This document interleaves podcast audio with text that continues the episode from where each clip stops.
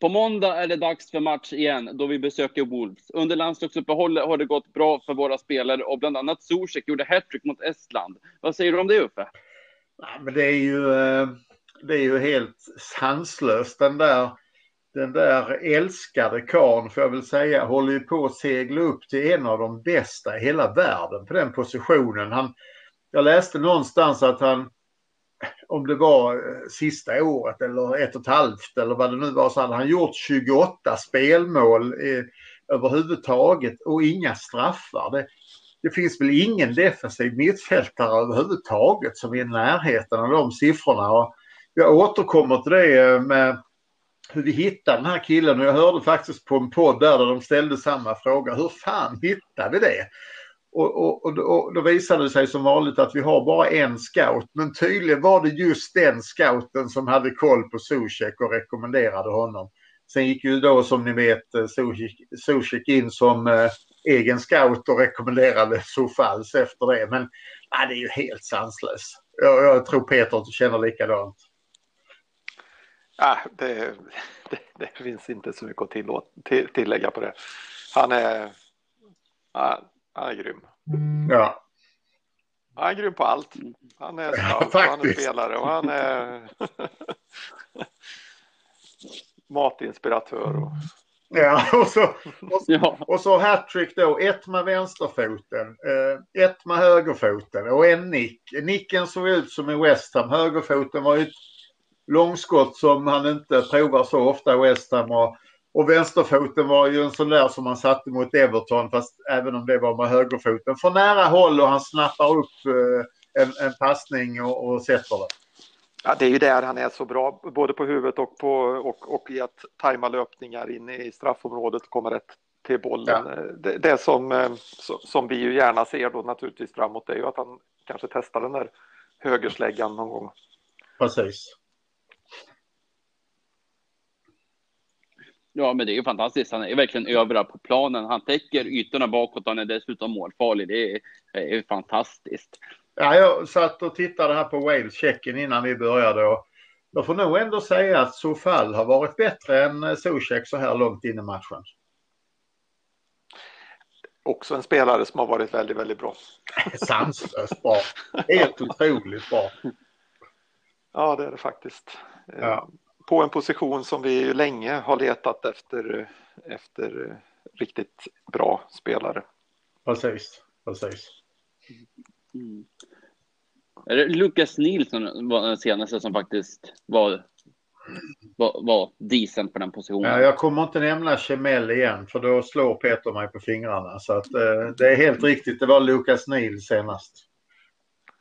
Ja, han, han, var ju bra. Han hade ju också ledarskaps eh, ledar, ledaregenskaper som, eh, som var otroligt viktiga för oss. Ja, han, han tog över kaptensbinden otroligt snabbt efter han, han kom till West Ham uh, inför The Great Escape där. Mm. Ja, så det är, det är ju några år sedan nu så det är väl på tiden att vi får in en. Att vi har en ny bra höger. Ja, absolut. Mm. Och så har det väl gått bra för våra engelsmän också, Rice och Lingard. Ja, det, jag, jag, har, jag såg inte första matchen här. Eh, men där blev ju Lingard utsedd till matchens lirare och hade väldigt många skott på mål och skojade ju med, med målvakten efteråt att han drog ju ner hans transfersumma rejält eftersom han inte satte några skott. Så att eh, jag vet inte om ni har sett den videon där han, där han kramar om målvakten och, och, och skojar med honom. Eh, och sen har vi ju, såg jag ju den matchen med Rice där och där Rice är ju lika stabil och säker som han är i West Ham även om han inte har samma roll här naturligtvis. Det är en annan miljö och han blev utsedd till bästa spelare där så att det är väl högsta utdelning så här långt i Englands matcher. Ja, det, det är otroligt. De, eh, de har ju också varit riktigt, riktigt bra. Eh, det var ju lite intressant här som eh, Lingard väl uttalade sig. Jag tror att det var efter den första matchen. Det skulle kunna ha varit i samband med samlingen också kanske, men jag tror att det var efter första matchen där han pratade om förbundskaptenen Southgates hans påverkan på att, Eh, Lingard hamnade i West Ham nu på, under transferfönstret eh, på lån då. Det var ju kanske inte så att han sa att gå till West Ham, men han sa när, när Lingard hade pratat med honom om vad han tyckte var att han skulle göra för att ha så stora chanser som möjligt på att få tillbaka sin landslagsplats så var det ju att han skulle gå på lån och att han sa till honom att det är bättre att du tar ett lag i England än att du går utomlands. Mm. Vilket väl nästan vem som helst hade kunnat räkna ut eftersom han frågade en engelsman, men eh, ändå. Ja, men det blev ju en riktig win-win situation där. Definitivt. Ja. När vi ändå är inne på det, vi fick faktiskt in en fråga på ämnet. Det är Anders Elleman som skrev i Englands två landskamper har både Rice och Lingard utmärkt sig och prisats som matchens spelare enligt West Ham. Finns risken, inom citationstecken, att Lingards framgång i klubblag och landslag gör att prislappen höjs då andra klubbar kanske blir intresserade eller att Man United kanske inser att han bör få en chans till i deras lag? Vad tänker ni om det? Om jag får dela upp det i två delar och börja med Manchester United-delen så även om de erbjuder honom ett kontrakt så erbjuder de inte honom en fast plats i startelvan och det är precis det han vill ha och söker. Så jag tror inte han är så intresserad av eh, ett nytt kontrakt i United. Eh, och pengar har de här killarna så de behöver inte fundera på det. Ehm, sen är det klart att andra klubbar blir intresserade och jag har ju då eh, fått lite insight i att Leicester har hört sig för med intresse men jag har en känsla av att eh, dels så trivs han så bra i West Ham och United inser ju också att de kan vara tuffa förhandlare men han har bara ett kontrakt eller ett år kvar på kontraktet. Så att jag, jag eh, känner mig ganska trygg i att vi sitter i förarsätet där. Jag tror också att vi sitter i förarsätet eh, och att det som kommer att avgöra i slutändan om, om vi får honom eller inte är, är framför allt om man själv vill. Eh, det som du är inne på, det handlar om eh, om man eh,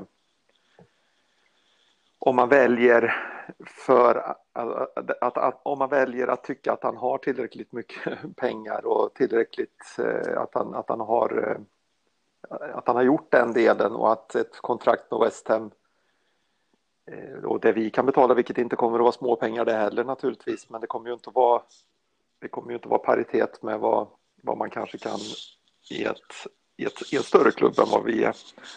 Eh, och väljer han att, att, eh, att det är fotbollen som är det viktigaste, då har vi, tror jag, väldigt bra chanser.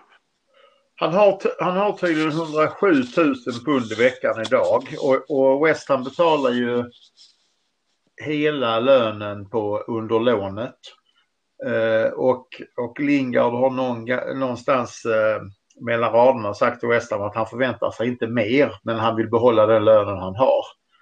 Eh, så att jag tycker det, också det är positiva signaler. Ja, och eh, nu kan man ju tänka, det, det, blir väl, vi har väl ingen som tjänar mer än det va? Eh, alltså det beror på hur man räknar men Jamalenko ligger ju i i samma och, och Filippa Andersson ligger lite högre om han spelar i West Ham och det gör han ju inte för närvarande. Vi kommer tillbaka till honom senare. Ja, precis. Jag tänker mest att, eh, att eh, eh, här får vi ju åtminstone en spelare som faktiskt är på allra högsta nivån vad det gäller att leverera på fotbollsplanen dessutom. Eh, och att betala en sån spelare bland de högsta lönerna i laget är ju inte problematiskt för ur, ur truppsynvinkel. Eh, det är mycket mer problematiskt att betala Jarmolenko eller, eller som Filip Andersson har levererat de sista ett och ett halvt åren. Ja. Eh, Sådana löner. Så, så att, ja. Och, och så kombinerar vi det med ett nytt kontrakt med Rice så att han kommer upp i minst det också. Ja, precis. precis. Och skulle han då upp, komma upp på det eller kanske lite till så då betalar vi ju de två bästa spelarna också för att vara de två bästa spelarna. Ja, För just nu så är, är, det ju de två som, som, eh, som är de mm. bästa spelarna. Sen har vi lite andra killar som är på väg åt det hållet kanske, men som Sosek då till exempel. Ja.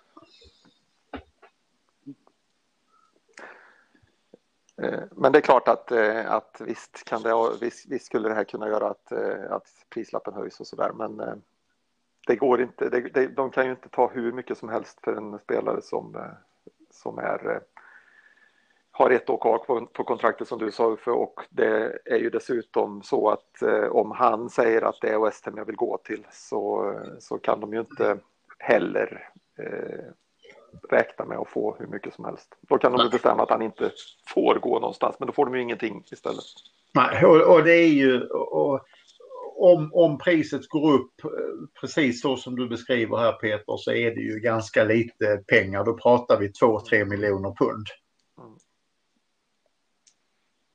Ja, men det skulle mycket väl kunna vara så, till exempel då som vi pratade förra veckan att, eh, att prislappen det pratas om var 15 miljoner. Eh, några veckor innan det så pratade man om 20 miljoner.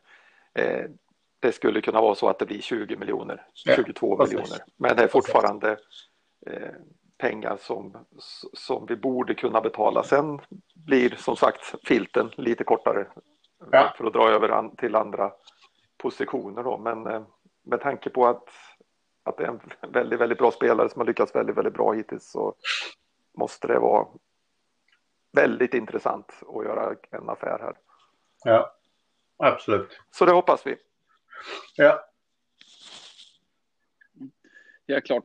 Uh, Uffe, hur är det med Polen och Fabianski? Vet du något där? Uh, det jag har hört idag är ju att uh, Polen hade väl två, i Polens landslagstrupp hade två konstaterade coronafall och två misstänkta.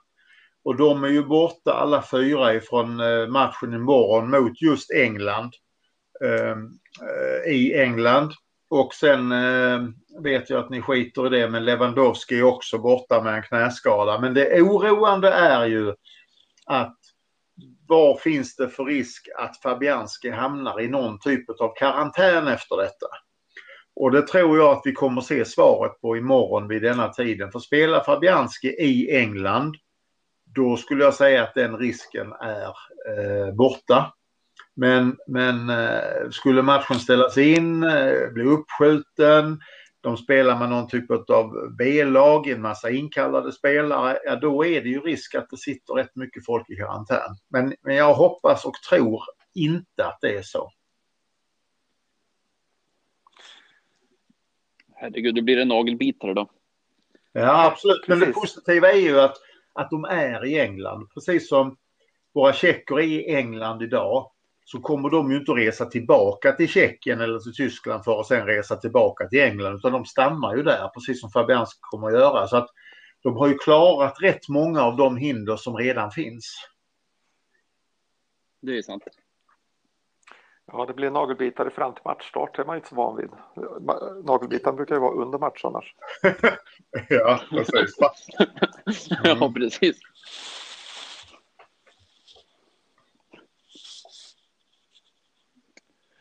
Uh, har vi några fler spelare som är på landslagsuppdrag? jag noterade att, uh, att uh, det, det blir ju, har ju blivit helt annorlunda mot hur jag förutspådde förra veckan där jag sa att samtliga våra spelare kommer att sitta på läktaren i det här förutom att Jarmolenko skulle spela varenda minut som Ukraina hade.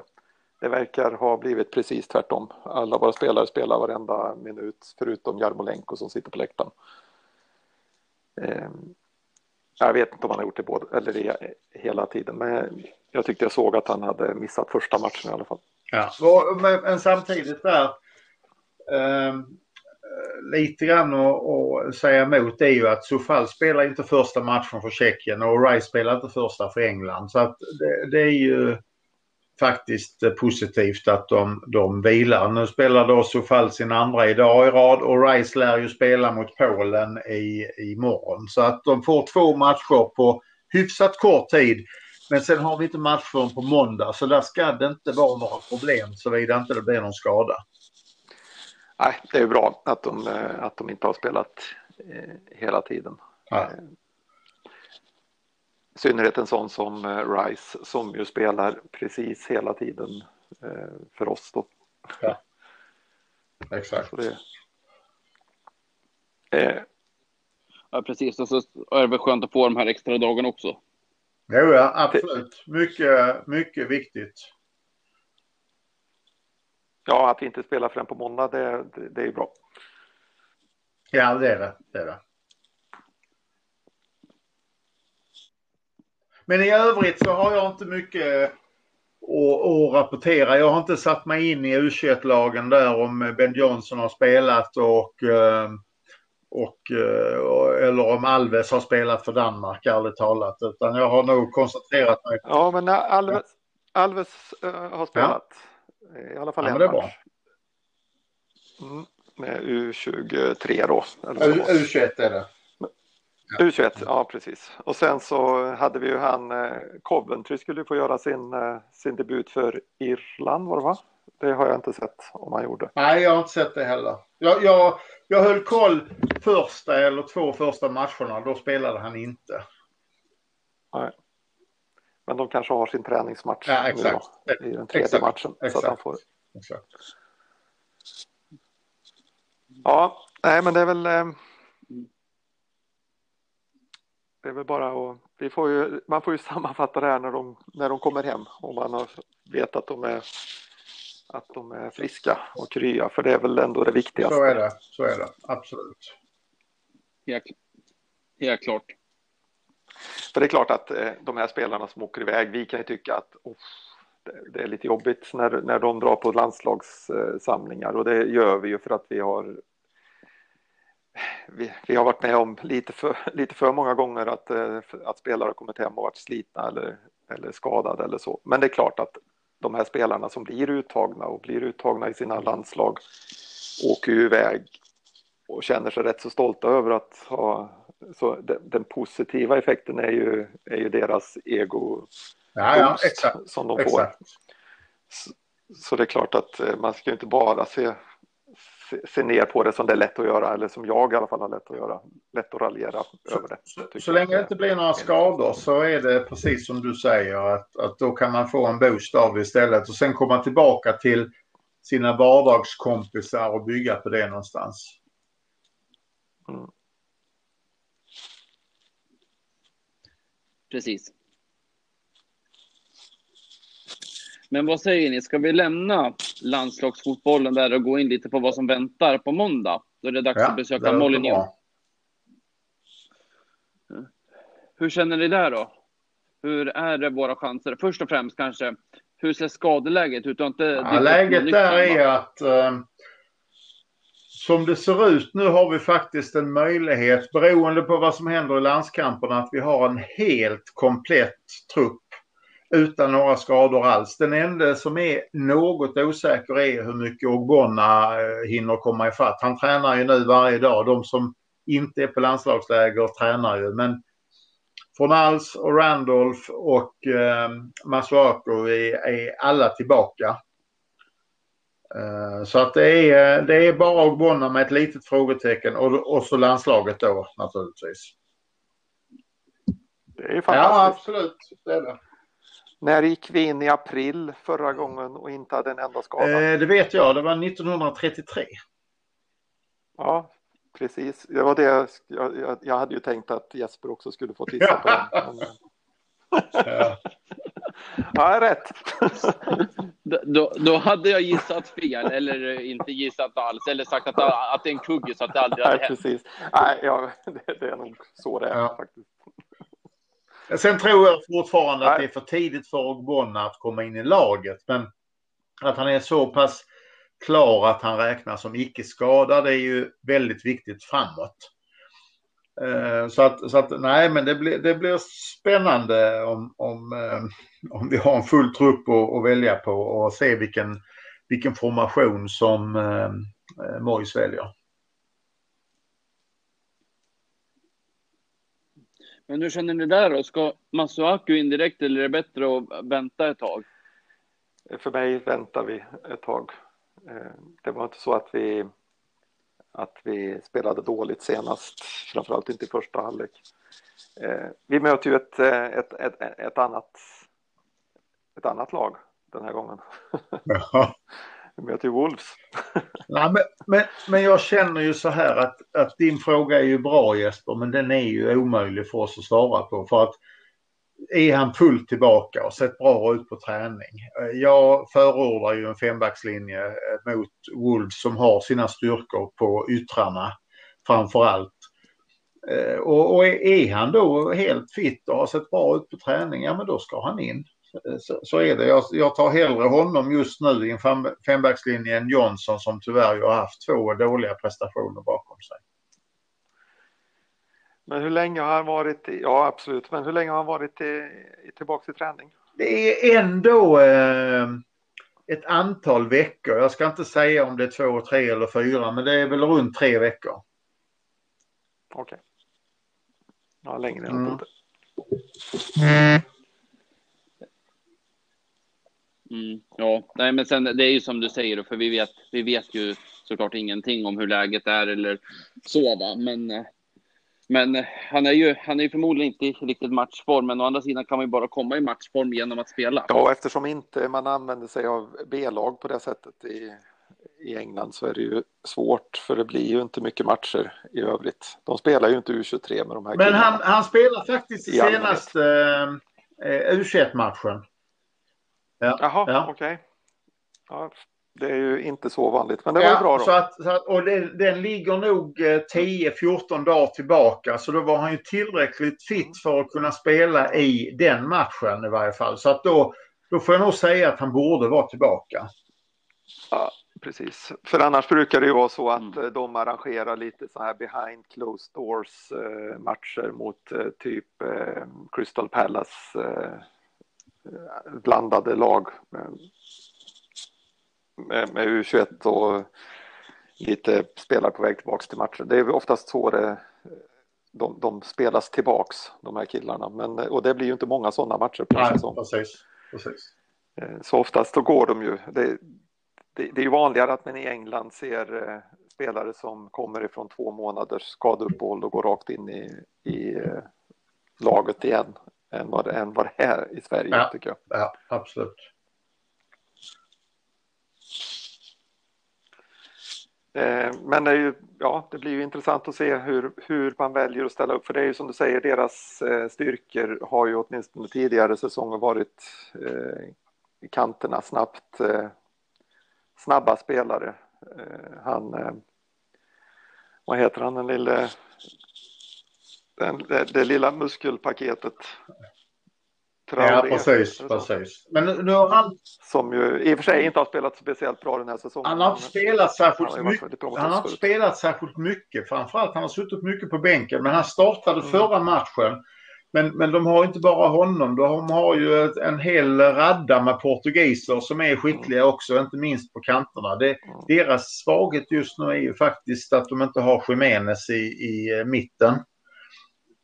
Mm. Så att ja, jag, jag hade nog kört en fembackslinje och sen så hade jag, eh, jag har faktiskt ett krav på att vi ska ha minst oavgjort i den matchen. Jag tror jag hade valt en, eh, jag hade ändå valt en, en fyrbackslinje och satsat på vår egen förmåga att avgöra det här. Men jag är med, jag, jag förstår ditt resonemang. Ja. Och det blir, ja.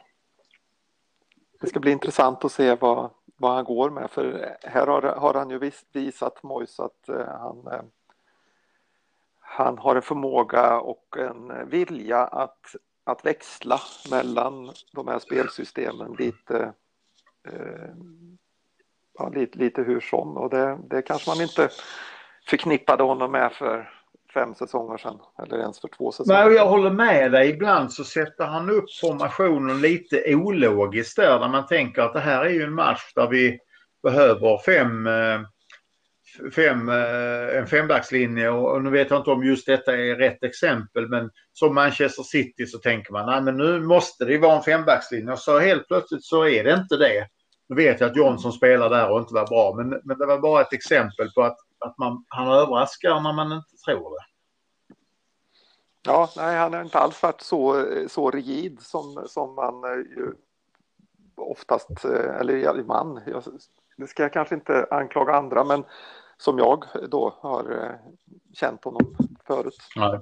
Utan det har varit, men det var ju så, i, i höstas så gick han ju väldigt mycket med likadan, samma formation och sen så visade han ju plötsligt att han kunde spela med en annan också och efter det så har han ju växlat Eh, ganska Precis. Och det är ju en styrka. Ja. Eh, för att, att laget kan leverera med, på, eh, med olika spelsätt. Mm. Precis. Och nu när vi får tillbaka spelarna så, som, så att vi också faktiskt kan, kan ha lite alternativ så då ser det ju då ser det ju mer spännande ut igen. Ja.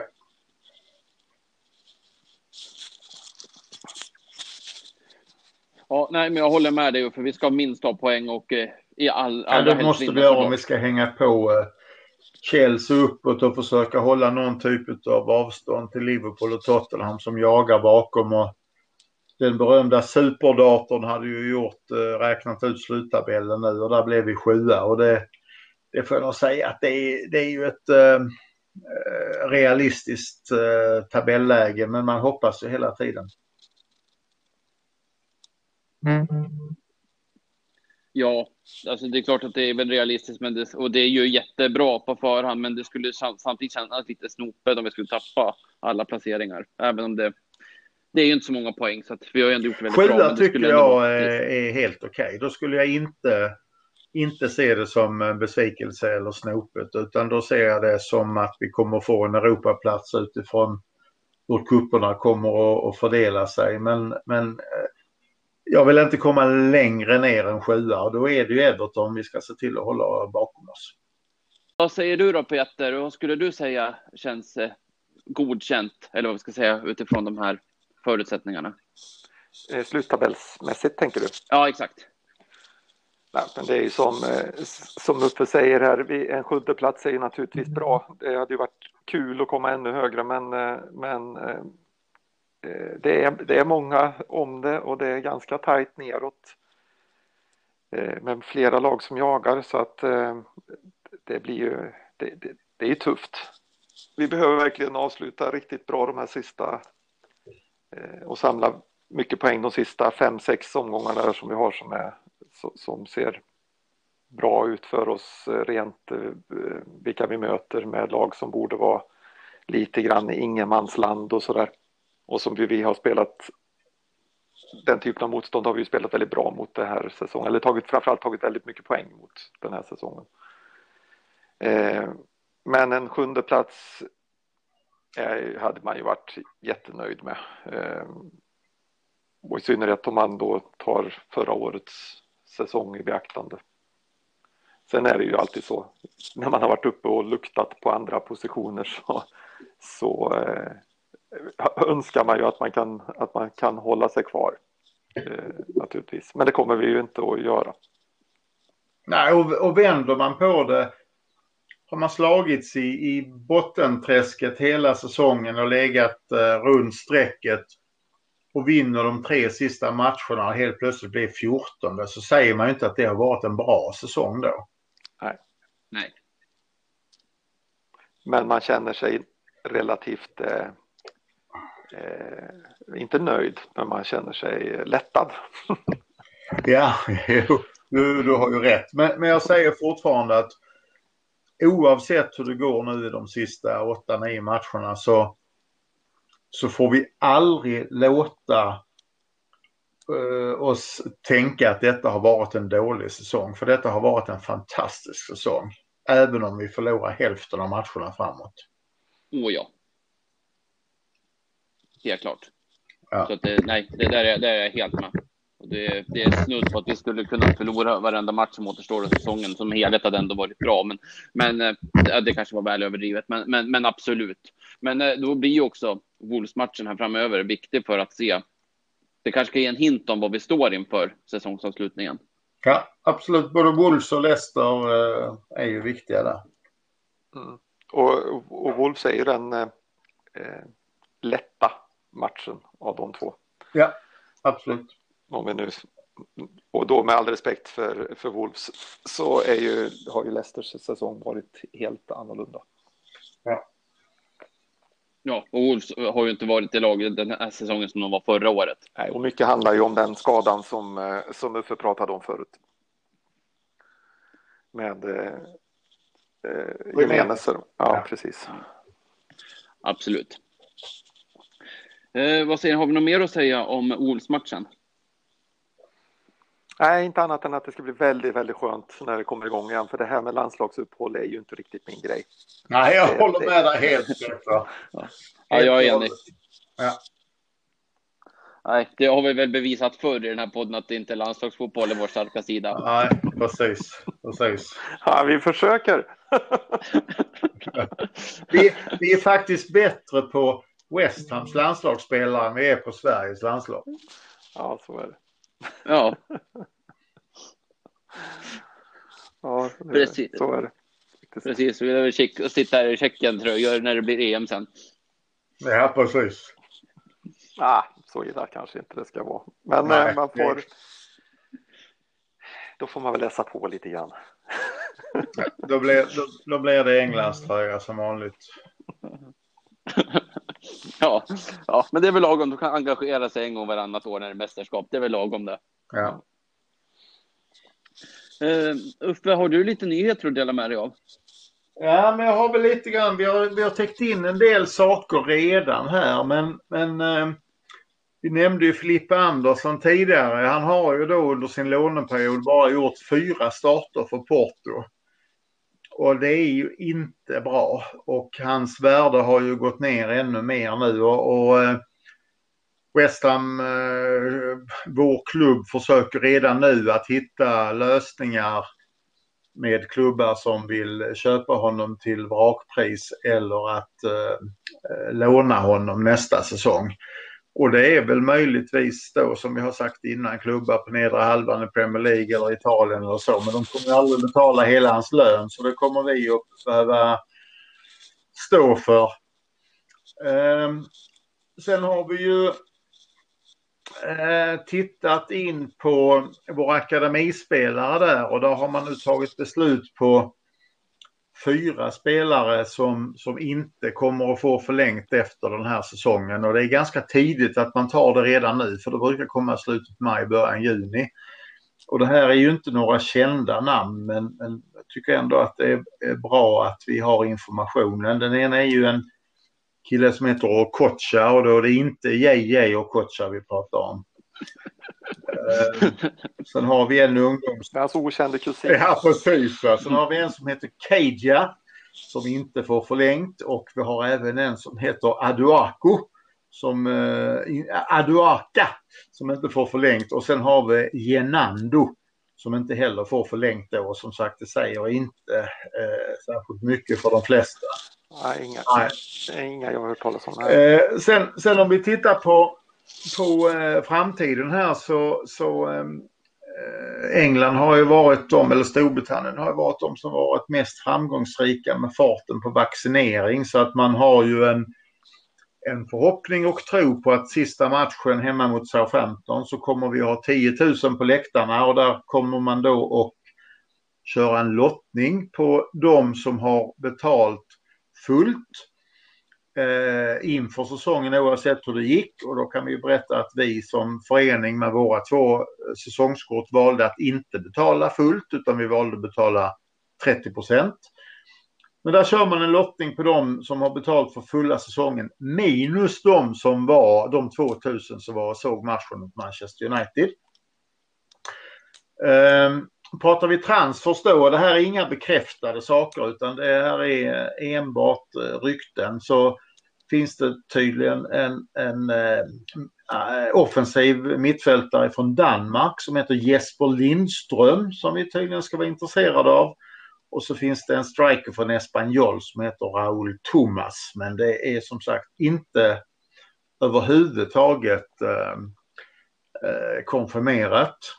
Sen, sen... Men han, äh, vänta lite bara. Han Lindström, dansken där, det måste väl vara någon U-spelare? Absolut, som, absolut. Det, det, är säkert en, One for the future. En Alves-kompis där. Alltså, Ab- ja, Absolut, precis, precis. jag håller med dig helt och hållet. Och jag ska inte säga att jag alls kan dansk fotboll nu för tiden. Man kunde ju när det var Preben Elkjær och Frank Arnesson och så. Men, men, men Jesper, Jesper Lindström har jag aldrig hört talas om. Eh, sen, sen har ju då klubben via, via eh, någon tredjepart här lyckas göra bort sig igen. Där det är någon sån här leverantör som har fått tillgång till en massa personlig information ifrån, eh, ifrån eh, årskortsinnehavare och lyckats inte ha säkerhet så att det har läckt ut då personlig information till hackare. Och det är ju inte proffsigt gjort. Så det är lite tråkigt även om det då är framförallt den här tredjeparts eh, så, så, så blir det ändå ett litet, litet mörkt moln över klubben som vanligt höll jag på att säga där. Eh, det positiva... Det händer lite för ofta. Ja, exakt. Exakt. Mm. Sen, sen också från en bra källa men inte konfirmerat. Så är det ganska spännande att därifrån den källan höra att eh, det tydligen finns något amerikanskt konsortium just nu som håller på att eh, visa intresse och räkna med att lägga ett, ett bud på Estam inom den närmaste eh, tiden. Men som sagt inte konfirmerat men, men eh, från, från bra källa eh, sägs det att det är så här. Så att det kan ju bli spännande att följa framöver. Det var väl de som det pratades om i höstas. Jag vet inte om det, ett jag vet inte om det är samma men, men, eh, men, men då, då, då lät det Ja. som att det inte var så seriöst. Så att jag vet inte om det är de som har blivit seriösa eller om det är någon annan som är mer seriös. Men det ryktas så i varje fall. Jag, jag tänker att det, saker och ting behöver ju i, den, i, i så här stora affärer som det, som det ändå är här så måste det ju vara, alltså det, det tar ju det tar ju tid från eh, ax till limpa från, eh, från eh, och till affär. Liksom. Ja, och, Så att, och så, så är det. Du har helt rätt. Om, om, om, om man inte är en eh, oligark eller en eh, Och, och, och det tar tid ändå för det, det, är, det är advokater och man ska fö- följa lagar hit och dit och så. Va? Och så att det, det, det är inte så att nu blir det ett rykte och så blir vi uppköpta imorgon utan jag skulle säga att finns det substans i detta så pratar vi ju tidigast efter sommaren ändå. mm. Det var väl det jag hade idag där. Ja, intressant. Ja, tack. Det var väldigt intressant. Ehm, ja, det där med ungdomsspelaren, det var väl ingen större sensation, men det, ja, det ska bli intressant också när vi har det här transferfönstret och se vilka spelare som är intressanta. Det lär ju ändå bli affärer, även om vi inte vet nu vilka det blir. Så är det, absolut. Det blir också spännande att se vilka som, eh, om vi nu pratar våra yngre förmågor, eh, vilka som lyfts fram här i slutet på säsongen. För det är klart att, det, att vi borde få se en och annan spelare sitta på bänken åtminstone som, eh, som av de som Mois tycker är, är eh, på gång. Han har ju inte varit rädd för att, för att eh, plocka upp dem förut. Eh, nu borde det kanske redan ha funnits en och annan som hade fått chansen om det hade varit några som hade varit intressanta eftersom vi har haft eh, två målvakter på bänken i fem raka matcher eller vad det varit. Problem, problemet är ju Peter att på grund av coronareglerna så får du inte flytta spelare mellan U, U21 eller U23. U23 är det där, U23 och, eh, och A-laget för snabbt. Så att har du spelat i U23 tidigare i veckan så får du inte flytta upp i A-truppen. Så att det, det påverkar ju. Det förklarar ju lite. Ja, det förklarar Ja, en del ja. faktiskt. Ju- Just beroende på, på karantän och att man inte vill Ja, riskera och, och, och få in covid i, i A-lagstrupperna. Precis som man här, inte, vill, inte vi heller här i Sverige vill att man ska blanda träningsgrupper. Nej. Precis. Ja, men det är ju rimligt naturligtvis. Då får vi se då om, eh, om, det, eh, om, om det kan finnas några namn där i slutet i alla fall. För jag tänker att, eh, att de ofta får vara med och sitta lite på bänken och vara med runt A-truppen, de som är lite mer intressanta inför nästa ja, säsong. Och, och, och, de, och de som utifrån vad jag läser och ser och hör eh, är mest intressanta just nu det är ju Conor Coventry och så är det ju Baptist och så och, och Dubeco då, det, det är ju dem. Mm. Och, det, och det är det jag tänker, jag menar en sån som Coventry då som har missat eh, större delen av de sista två säsongerna här. Eh, eller om det var två av de tre senaste. Eh, hur, hur, intressant han är, hur intressant han kommer att vara för fortsättningen. Ja. Om man säger. Det, är väl, det är väl Nobels ersättare och då pratar jag om någon som mm. är på bänken i samma position som kan komma in och, och, och stötta laget i slutet på en match. Ja, det blir intressant. Ja, ja absolut. Mm, ja, men förhoppningsvis får vi se dem i alla fall. Det är alltid kul att se unga talanger. Ja, det är inte säkert att de kommer att få några inhopp. Det beror ju alldeles på hur, hur det ser ut, eh, hur, hur, vi jagar eller jagas i tabellen och eh, hur det ser ut i matcherna naturligtvis. Eh, jo, det är klart. Några minuter om vi leder med 3-0 kanske, men och sådär. Ja. Annars så eller om vi hamnar i någon form av ingenmansland, mm. vilket vi inte får hoppas. Nej. Nej. Exakt. Precis.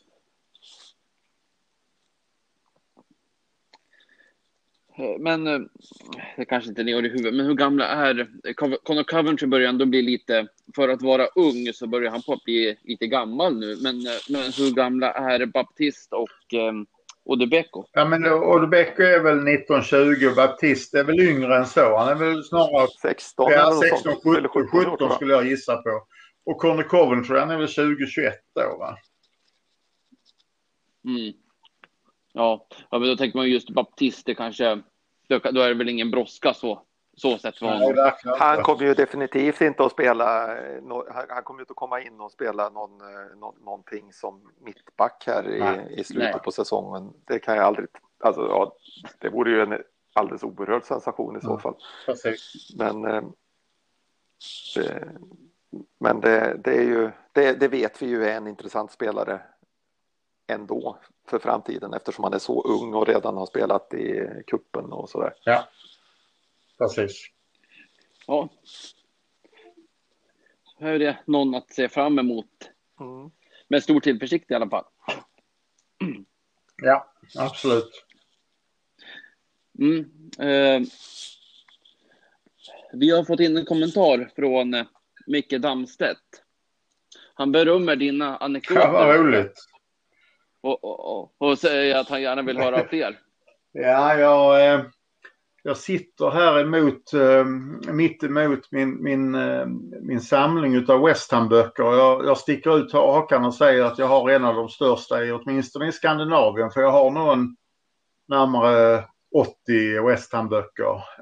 och, och, då behöver man ju läsa på dem och och eh, hitta de här anekdoterna. För jag har ju lite grann tömt ut det jag själv har varit med om. Men, men jag tänkte till här vad jag har hört på sista tiden. Och sen, det är två saker jag tyckte var väldigt roligt. Och det ena var ju, eh, om jag tar den som är minst rolig men fortfarande rolig, var ju att Ian Dowie var med i en, en podcast här i, i England. Och de är ju vana att, att försöka att få dra ur svaren ur spelarna men de, de bara ställde frågan eh, och hur är läget med, med dig nu för tiden Ian? Och sen pratade han på närmare en kvart och svarade på alla frågor om hur han kom till West Ham, hur det var där, vem som var den bästa spelaren han hade spelat med, vilken manager han inte tyckte om och varför han inte blev bättre än vad han var och varför han gjorde självmål mot Stockport. Och det kan jag tycka är ganska kul och helt plötsligt så, så blev de i podcasten helt tysta och han pratade på. Sen, sen den andra då var ju i, i samma podcast där de eh, hade en, en eh, intervju med Craig Forrest, vår, vår målvakt ifrån, eh, ifrån Kanada, precis. Som faktiskt var en av de 13 spelare, så utländska spelare som spelade i den första Premier League-omgången någonsin, dock inte för West Ham då.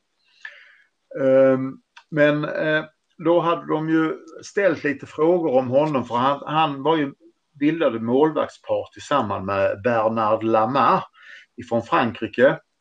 Och det blev ju en del, del liv om Lamars eh, karriär där eftersom han hade erkände och åkte dit för att han hade rökt Mariana. Och då, och då tog man upp detta med Craig Forrest och diskuterade det och sen kände ju de som gjorde podcasten att nu har vi lämnat det ämnet utan nu pratar vi bara om rökning. Men han måste Craig Forrest blivit lost in translation utan han trodde ju fortfarande att man pratade om att röka marijuana. Så de frågade ju då, eh, var det, var det fler som rökte i laget? Och menade då vanlig tobak. Men, men Forrest var ju någon annanstans och sa, oh ja, det var, det var i stort sett hela laget. Och ibland så, så till och med i halvtid så drog sig Paolo Di Canio och någon in på toaletten och smygrökte där. Och, och, och de som höll i podcasten tänkte det här är ju, det här är ju brännbart material. Tänk gå ut och berätta att West Ham-spelarna rökte före, under och efter matchen. Så att det, det var ju helt sanslöst. De, de tänkte vi kan tjäna hur mycket pengar som helst på att sälja detta till The Sun. Men de sa att det är, det är nog säkrast att vi ringer Craig Forrest en gång till och stämmer av detta. Och då gjorde de det privat. Och så sa de här, vi pratade lite grann om Lamar där och han rökte marijuana. Ja. Och då sa du att Paolo De Canio brukar dra med sig en del spelare in i halvtid i, i, på toaletten i omklädningsrummet och röka marijuana. Nej, sa Craig Foss, det har jag aldrig sagt. Jo, det var det du sa och sa. Och, och det här kan ju inte komma ut i tidningen. Nej, nej, nej, det här får absolut inte komma ut. För jag sa inget, jag, jag pratar om vanlig tobak. Och den tycker jag är ganska rolig den också. ja, det var väldigt roligt. Det kan bli väldigt fel Det var andra tider. ja, men, men jag, kan ju, jag kan ju förstå de här seriösa killarna som då verkligen får höra Ja, Paolo Di Canio brukar ju dra in ett par stycken i omklädningsrummet på toaletten och röka i pausen. Och sen ska vi ut då i andra halvlek och, och spela fotboll. Ja. Just uttrycket att de går in flera stycken och ja, röker tillsammans. Det, det. Ja, och, så, och så ser man Harry, Harry, Redknapp sitta, sitta där utanför och bara ja men killar nu ska vi gå igenom andra halvleks taktiska dispositioner. Nej förresten, ni är så jävla bra fotbollsspelare så ni får, väl, ni får bestämma det precis, själva. Precis. Nej det var väl de jag, jag eh, hittade så här på uppstuds. Men jag tackar för komplimangen. Ja, det, det, var en väldigt fin komplimang och det är roligt för att de där anekdoterna är väldigt underhållande. Men, men 80 böcker Uffe? Har Nej, jag har inte gjort det. Jag, har, eh, jag skulle säga att jag nog har läst 70-75 och sen så har jag i eh, min nattdukslåda så har jag en, eh, någonstans mellan 5 och 10 som jag tänkte börja på när jag går i pension. Och, och det är ju de som handlar till exempel om West Ham-spelare under första världskriget och sånt. Det, det, det, är inte så att jag känner att det är det första jag, jag vill läsa. Jag vill ju gärna ha någon typ av eh, egen anknytning till, till eh, det hela. Och jag har, jag har rätt, jag ska inte säga många, men jag har ett antal med, med autografer av Geo First och Marty Peters och så här. Och sen Peter har ju du hjälpt mig att få eh, autograf på någon också där. Så att eh, Ja, ja. ja. Otroligt. Ja, ja, vilken, absolut, vilken samling. Absolut. Men det, det, är dags, det är dags att läsa om dem när det blir, när det blir eh, pension här nu. Men vad heter han? Ja, det gör du rätt vad heter han som du hjälpte mig med? Det var, vad heter han? Robert, Robert Banks, Banks ja. Och han har gett ut... Två gånger har jag hjälpt dig med Robert. Ja, precis. Och där, han har gett ut några böcker. Där har du hjälpt mig med, med två, Peter. Dels så träffade du honom över en, en trevlig öl och eh, fixade det på, på den sista och sen var det en också där du var i den, den berömda boken. Ja, där du inte hann i tid. Ja, jag hann inte. Jag var upptagen med någonting annat. Jag kommer säkert ja, West Ham-relaterat. Ja, men det var det ju. Du var, du var ju ja. i London, men du hann inte till. Eh, du, hade, du hade inte möjlighet att vara på bokhandeln där han skulle leverera boken, så jag fick ta Precis, så att det är väl. Jag tror man har gett ut fyra böcker Robert Banks, så då har du hjälpt mig med två och så har jag fixat två själv. Ja. Och de kan rekommenderas till alla. Det är kanske de bästa eh, supporterperspektivsböckerna och väldigt bra och fina Eh, personliga eh, odysséer över, eh, över eh, säsongerna så att man kan hänga med hur det, hur det gick och hur det, ja, och hur det kändes för, för support. Ja, jag ty tycker du, du nämner det som är det absolut viktigaste och det är att det är ett supporterperspektiv. Det är inte någon spelare som, som antingen är för ärlig eller för sköna utan det här är verkligen hur det upplevdes på positivt eller på gott och på ont från en supporter och man följer ju West Ham om jag kommer ihåg rätt från 80-talet över 90-talet och in på 2000-talet. Ja, och han stod på läktaren, äh, eller han hade ju säsongskort på eh, både hemma och bortamatcher och följde dem, såg alla matcher under ganska många säsonger. Eh, det är de böckerna som eh, heter An, Ir An Irrational Hatred of eh, ja, precis. helt enkelt. Den första var ju An Irrational Hatred of Ja, exakt. Och, och, och de finns ju att hitta på Amazon. Det är bara att söka på nätet på Robert Banks West Ham så hittar man dem. Um, och, och, det positiva är att både du och jag Peter har ju, har ju personlig kontakt med honom så att eh, när vi har en mm när vi kan resa och kan ha en medlemsresa så är han absolut en potentiell gäst på någon av våra event. Ja, precis. Vi har haft, eh, vi har haft eh, hans senaste bok eh, som lite pris i de här olika tävlingarna som vi har haft de senaste två säsongerna. Så några av er där ute har, har, fått, har fått böcker med hans dedication på hans autograf. Ja. Och då ska man inte missa att då behöver man köpa de som är tidigare då. Då kan man köpa ja, dem. Nej, nej de, de, är, de är fantastiska måste jag säga. Ja, ja. faktiskt. Ja. Det låter verkligen så. Det var ett jättebra tips. Skulle kunna bli en, en eh, påskpresent. Ja, det tycker till, jag du är värd Jesper. Ja, tack. Ja, har vi något slutord då? Eller ska vi runda av? Ja, det är väl dags att runda ja. av. Vi har ju fyllt, fyllt den här veckan också, trots att vi kanske inte trodde att vi skulle få ihop så mycket. Det finns alltid något att prata om. Det. Ett nöje finns som alltid. Eh, men eh, måndag kväll, då bänkas vi igen. Eh, ännu en eh, fantastiskt spännande match på gång. Jag ser fram emot ja, detta. Samma här. Det är alltid bättre att ha matcher och kunna få sitta och vara nervös än att inte ha matcher. Definitivt. Det är ju alltid höjdpunkten, fast man våndas, fast man lider. Så det Precis. går inte att komma ifrån att man också älskar det. Ja, ja det säger, då ska vi tacka så mycket för idag. Tack alla.